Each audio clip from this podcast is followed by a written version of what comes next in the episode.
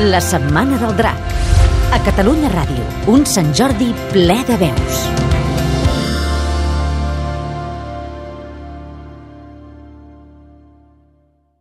Els nyoquis són uns cucs fets a base de patata i farina. En alguns llocs s'hi afegeixen ous, que mengen habitualment els habitants d'algunes regions d'Itàlia.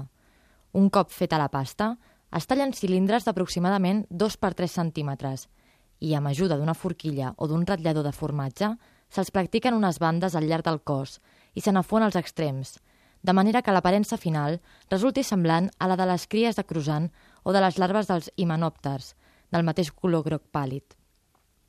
Si quan els nyoquis estan formats no se'ls ofega de seguida en aigua bullent, s'arrosseguen amb lentitud imperceptible fins al terra, on miren de trobar un forat per niar en grup i reproduir-se. A Verona, el poble el relaciona amb alguns capellans que han aparegut morts en estranyes circumstàncies. La mitjana de vida dels nyoquis és de 4 a 6 mesos, durant els quals no experimenten canvis apreciables. La seva dieta es basa en gramínies o aliments rics en midó. Tanmateix, d'ençà que es va descobrir que el que prefereixen és la terra de castanyer i que en poden ingerir i metabolitzar grans quantitats, cuiners sense escrúpols enceben nyoquis i els fan passar per tall rodó, amb l'únic afegit de la guarnició habitual i tres o quatre pastilles de caldo concentrat que els fan perdre el gust de cuc. L'engany es detecta fàcilment per l'absència de tendrums. Segons alguns historiadors, els nyoquis van aparèixer fa segles a les dues Sicílies a causa d'una confusió. En un text català sobre les faves amb sajolida, s'hi va barrejar un gravat que il·lustrava un capítol sobre la cria de formigues de la història dels animals, de Claudi Alià. Segons altres investigadors, l'arrel de la paraula nyoqui és etrusca i significa en aquesta llengua aglar en moviment. És innegable, remarquem-ho, el parentiu fonètic amb els noms nòrdics, amb els quals comparteixen l'escàs volum, l'esperit gregari i un caràcter entremaliat. De la vida d'aquests cucs se'n sap poca cosa, ja que en captivitat perden la capacitat automotriu, que és un dels pocs trets que serveixen als llecs en la matèria per diferenciar-los de les mandonguilles vegetals. Durant molt de temps, es va donar per segur que la taènia saginata o solitària no era sinó un nyoqui ingerit sense prou cocció i o masticació, que sobrevivia i feia del budell humà el seu hàbitat.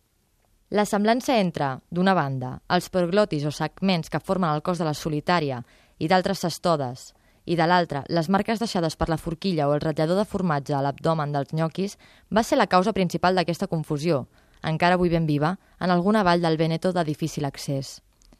El que sí sembla demostrat, en canvi, és que aquests animals de dimorfisme sexual nul es reprodueixen de manera isotímica, és a dir, ajuntant-se diversos individus en sentit longitudinal per formar-ne un de sol.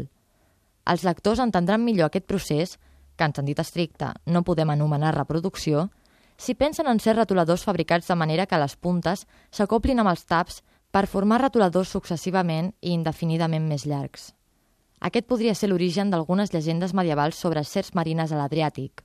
Juntament amb la pizza i la màfia, els gnocchis són els productes italians més coneguts d'aquest segle i han tingut una influència cultural duradora als Estats Units, tot i que inferior als altres dos productes esmentats. En l'àmbit cinematogràfic, els gnocchis són l'origen dels gremlins, malgrat que l'adaptació al setè art els fa difícils de reconèixer. A Califòrnia es coneixen amb l'adaptació fonètica gnocchi. El potencial simbòlic dels gnocchis es reflecteix nítidament en la cèlebre aproximació mística composta per Bob Dylan i versionada per nombrosos grups del rock. Gnocchis on the Heaven's Door. Consell important, a l'hora de cuinar nyoquis, no n'hi ha prou d'ofegar-los en aigua bullent tan bon punt estan formats. Compteu-los a mesura que els aneu fent i torneu-los a comptar quan us els mengeu. Si els números no surten, afanyeu-vos a buscar el niu, que trobareu fàcilment amb ajuda de qualsevol dels productes específics que venen a les drogueries. Prenent aquesta mínima precaució, podreu degustar els deliciosos nyoquis amb tota seguretat.